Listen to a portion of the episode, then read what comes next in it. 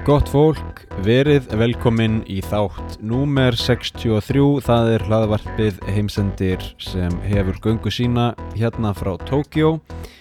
Þetta er þáttur númer 2 í seríunni Yakuza, japanska mafjan. Í þætti númer 1 fjallaði ég um sögu og uppbruna þessara glæpasamtaka, Yakuza.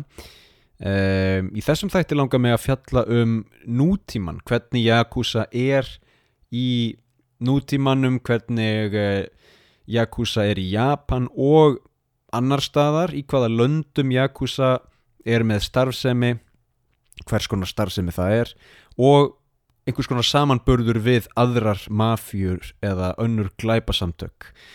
Þannig að það er svona stóra umræðefni dagsins. Um, eins og ég segi þá er til annar þáttur uh, þetta er náttúrulega þetta, jú, þetta er svo sem í línulegri dagskrá einhverju liti hann kom út fyrir tveimur vikum og hann er inn á Patreon og, og hérna hvet alla sem hafa ekki hlustað á hann til að kannski skoða hann fyrir þennan þátt af því að sagan og uppbrunnin hefur mikil áhrif á hvað Yakuza er að gera í dag. Um, en annars ætla ég að svona, já, svona aðeins að varpa ljósi á líka bara hvað Yakuza er í Japan og hvernig sko hvaða stöðu það hefur hvaða stöðu þessi glæpasamtök hafa uh, sem hluti af japanskri menningu japansku, japanskri sögu og, og hérna japansku samfélagi. Um, áður við byrjum þá eins og ég ger alltaf langar mig að staðsitja okkur. Við erum hérna við erum í Tókjó, uh, kötturinn út í gardi uh, sko merkilegt nokk af því að það er mjög kallt uh, en hann er náttúrulega hálfur norskur skóarköttur þannig að hann er með feld sem þólir mikið kulda. Uh, kannski er það bara ég kannski er ég búin að svona uh, hvað segir maður aðlagast sko japansku loftslægi mér finnst kallt úti núna það er örglega ekkert mjög kallt svona með að við Ísland til dæmis ef við skoðum aðeins bara, svo ég googli bara, herri, já, það eru 14 gráður úti núna sem er bara eins og uh, sumardagur á Íslandi en uh, mér finnst mjög kallt og það er líka kallt hérna á nætuna og kallt á mótnana sérstaklega. Og ég held að það sé af því að maður er svo vanur vel byggðum íslenskum húsum vel einangruðum íslenskum húsum.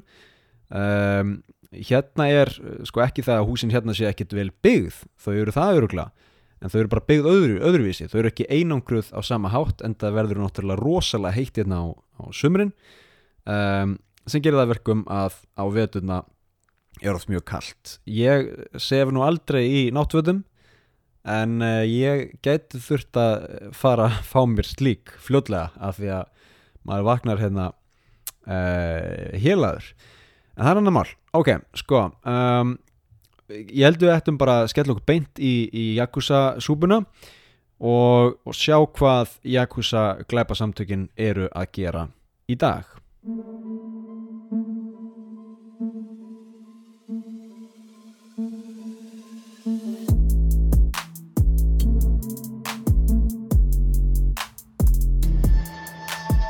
Yakuza er japanska mafjan og í síðasta þætti uh, þessara serju rækti ég sögu og uppbruna Yakuza nánast til ársins 2000 give or take um, en bökum aðeins áður um við förum, förum yfir aldamótin. Sko, Yakuza glæpasamtökin náðu ákveðnum toppi. Kæri hlustandi ef þið langar að hlusta á restin af þessum þætti og fá fullan aðgang að öllum þáttum kíktu þá á patreon.com skástrygg heimsendir. Það tekur nokkrar mínútur að skrá sig. Ódýrasta áskriftin er sko 5 dólarar á mánuði. Það er eins og einn kaffibotli á mánuði. Ég sko mæli til dæmis með því þú getur gefið Patreon áskrift í jólagjöf, hvernig væri það? Það væri svolítið skemmtilega jólagjöf. Frumleg, ódýr og mengar lítið. Um, þú getur gefið sjálfum þér eða sjálfrið þér uh, áskrift. Eins og ég segi, þetta tekur nokkrar mínútur og ef að þið skráið ykkur á Patreon ef að þú skráir þig á Patreon þá verði ég rosalega þakklátur af því að þá get ég gert meira svona efni, framleitt meira og framleitt betri þætti. Takk fyrir að hlusta og vonandi sjáumst við á Patreon.